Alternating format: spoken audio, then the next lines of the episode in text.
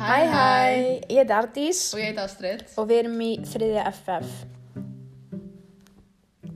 Uh, við ætlum að fjalla um Anders Breivik og hriðiverk árásuna sem hann framdi. Já, svo árás fór fram 22. júli árið 2011 og hún er rauninu tvískipt og fyrsta er að það var í miðbæi Oslo í stjórnarskverfinu sem að uh, Breivik læði hvítum sendifærabíl fyrir utan húsið klukkan 15.18.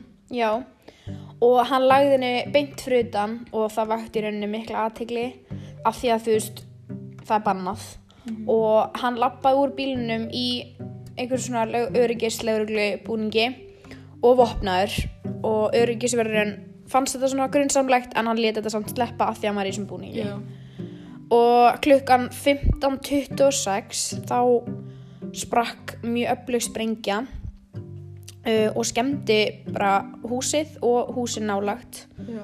Og þetta var eitt tonn af sprengingu sem, Sem að hann var sjálfur búin að vera að malla. já, búin að vera að búa til sjálfur. Já, og það tók alveg langa tíma fyrir hann að læra að Já, já, Í þessari sprengingu voru átta mann sem dóu og um yfir hundra mann sem særðust. já. Og fólk aðalega allt að 80 km fjarlægð heyrði í sprengingunni og fann fyrir þrýstingnum sem var af völdum hennar sem segir bara til um hversu mikil Svona kraftu var Já. Já. Og það sem var svona ekki beint gott, en... samt gott En samt, já, gott. já, Að þetta var, gerist með sumar og eftir kláðan þrjú, þannig að það voru færri starfsmenn í stjórnarænum vanarlega. Þannig að... veist að það var sumafrí og eftir þrjú Þannig að þetta hefði geta verið fleiri sem að hefði segðast. sérst eða dáið. Uh, síðan kemur að skotárusin í útei uh, en hann var sérst búin að leggja bíl, eða svona Fiat bíl svona tveim húsarum frá miðbænum. Hún, hann lagði henni kvöld áður og hann kerði átt að ferja höfninni útei Já. Svo tekur 40-50 mínútur að keira frá Oslo já, og í kringum hálf sex þá var hann komin að ferju höfninni og þá í útei er ungmannarreyfing verkamannflokks sem var með sumabúið þar. Mm og hann hérna, segist alltaf að tryggja öryggi krakkana á eiginni og fær þá ferju til að sækja sig. já. Og hann kynni sig með feik nafni og í auðvitað löggubúningum hann þá og hann er með skambissu, riffil og bara þú veist töskur fullar af vopnum og einhverjum búnaði og eitthvað. Já. og þegar hann kemur að eigina þá segir hann við umsjónamenn eiginar og þeir sem eru yfir þessum sumabúðum bara þú veist hann segir hérna til þess að tryggja öryggi allra út af þessar sprengingu sem þau hefðu frétt af en þeim fannst hann eitthvað grunnsamlegur og voru ekki alveg að trúa honum af því þau sáu allan hann búnað. Já. og þá bara skýtur hann þau í hausinn með skambissu og hann fer svo af kaffeter að kaffeterjunni þar sem allir úlingarnir voru. Og er eitthvað svona ég er að koma að hjálpa ykkur og, og lígu bara, skilur. Já. og svo bara byrja hann að skjóta. Já. Þá náttúrulega allir á eiginu, allir krakkana urðu rosalega hrættir og reynda að flýja. Og þú veist reyndu meðal hans að hoppa út í sjó og alltaf bara syndi í land en etna, þannig að voru bæði sko krakkar sem að særðust að völdum skot árusanar og bara það að fara í sjóin já, bara þú veist, duttu og eitthvað já, þannig að uh, það voru, já, skotárusin var í klukkutíma já, og alveg 69 bönn eða úlingar sem dói já. Og bara mjög margir Særðir. og í rauninni samtal 77 manns sem dóu af hans völdum Mhm. þannig dag Já, eða eftir skoðárásuna uh, svo við tölum aðeins um Anders Breivik. Uh, hann er öfga hægri maður. Allan að mjög hægri sinnaður. Yes og fættur 13. februar 1979 Já, og þegar hérna, hann var mjög ungur þá skildu fóreldrar hans og þeir byggu í London. Og hann flutti með mömmu sinni aftur til Norex og þeir voru bara svona millist þetta fólk. Já, Og- ekki fátæk en ekki einmitt. og þegar hann var bara fjóra gammal þá var hann byrjað að sína strax mjög skrýtna hegðun og voru tveir sálfræðingar sem vildu fylgjast með honum og voru með áhyggjur á honum. Og þá kom í ljósa að væri bara best að hann væri ekki lengur hjá mömmu sinni. Já. Um, en mamma hans var eitthvað svona halvgeðveik uh, hún miðlaði svona kynferðslegum hugmyndum að Anders bara segja eitthvað sem bönni ekki að fá að heyra og hún landa hann stundum. Og hún sagði bara oft að hún vildi að hann væri dáinn. Og hún átti bara mjög erfitt með uppeldið á hennum og hún var með persónuleikar skun og þunglindi og uh, Anders segir, nei Anders byrjar, eða er mjög vondur sem barn.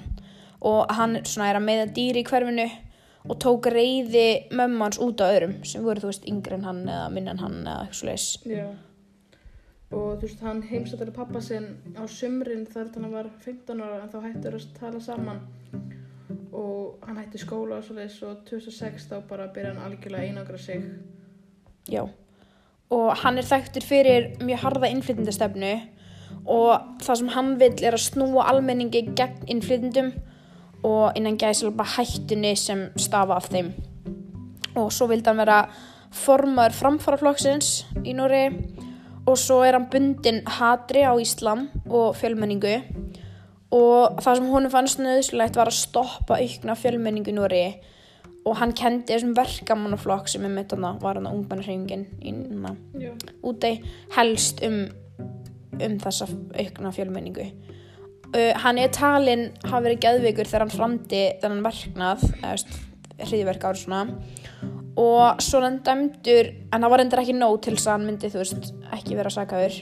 En hann er dæmdur í 21 ás fangelsi sem er lengsti möguleg fangelsistómur í Núri og dómur þótti alveg vægur en það var ekki tekið með veist, í reikningin að eftir 21 ár þá má framlengja dvölfangans Já. um 5 ár í einu ítrekað. Mm og þannig að þú veist, dómurinn má í rauninni teljast sem lífstíðadómur Já.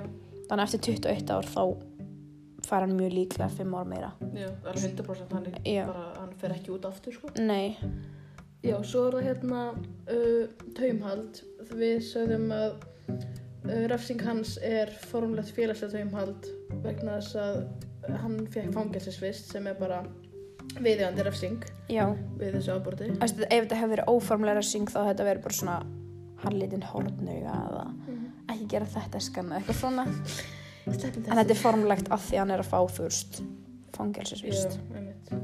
Og kenningin við hérna, töldum samskipta sjónahornið eða félagsnám sæks og matts að passa við. Já, kenninguna innan samskiptisjónarastins félagsnám félagsnámskenningin.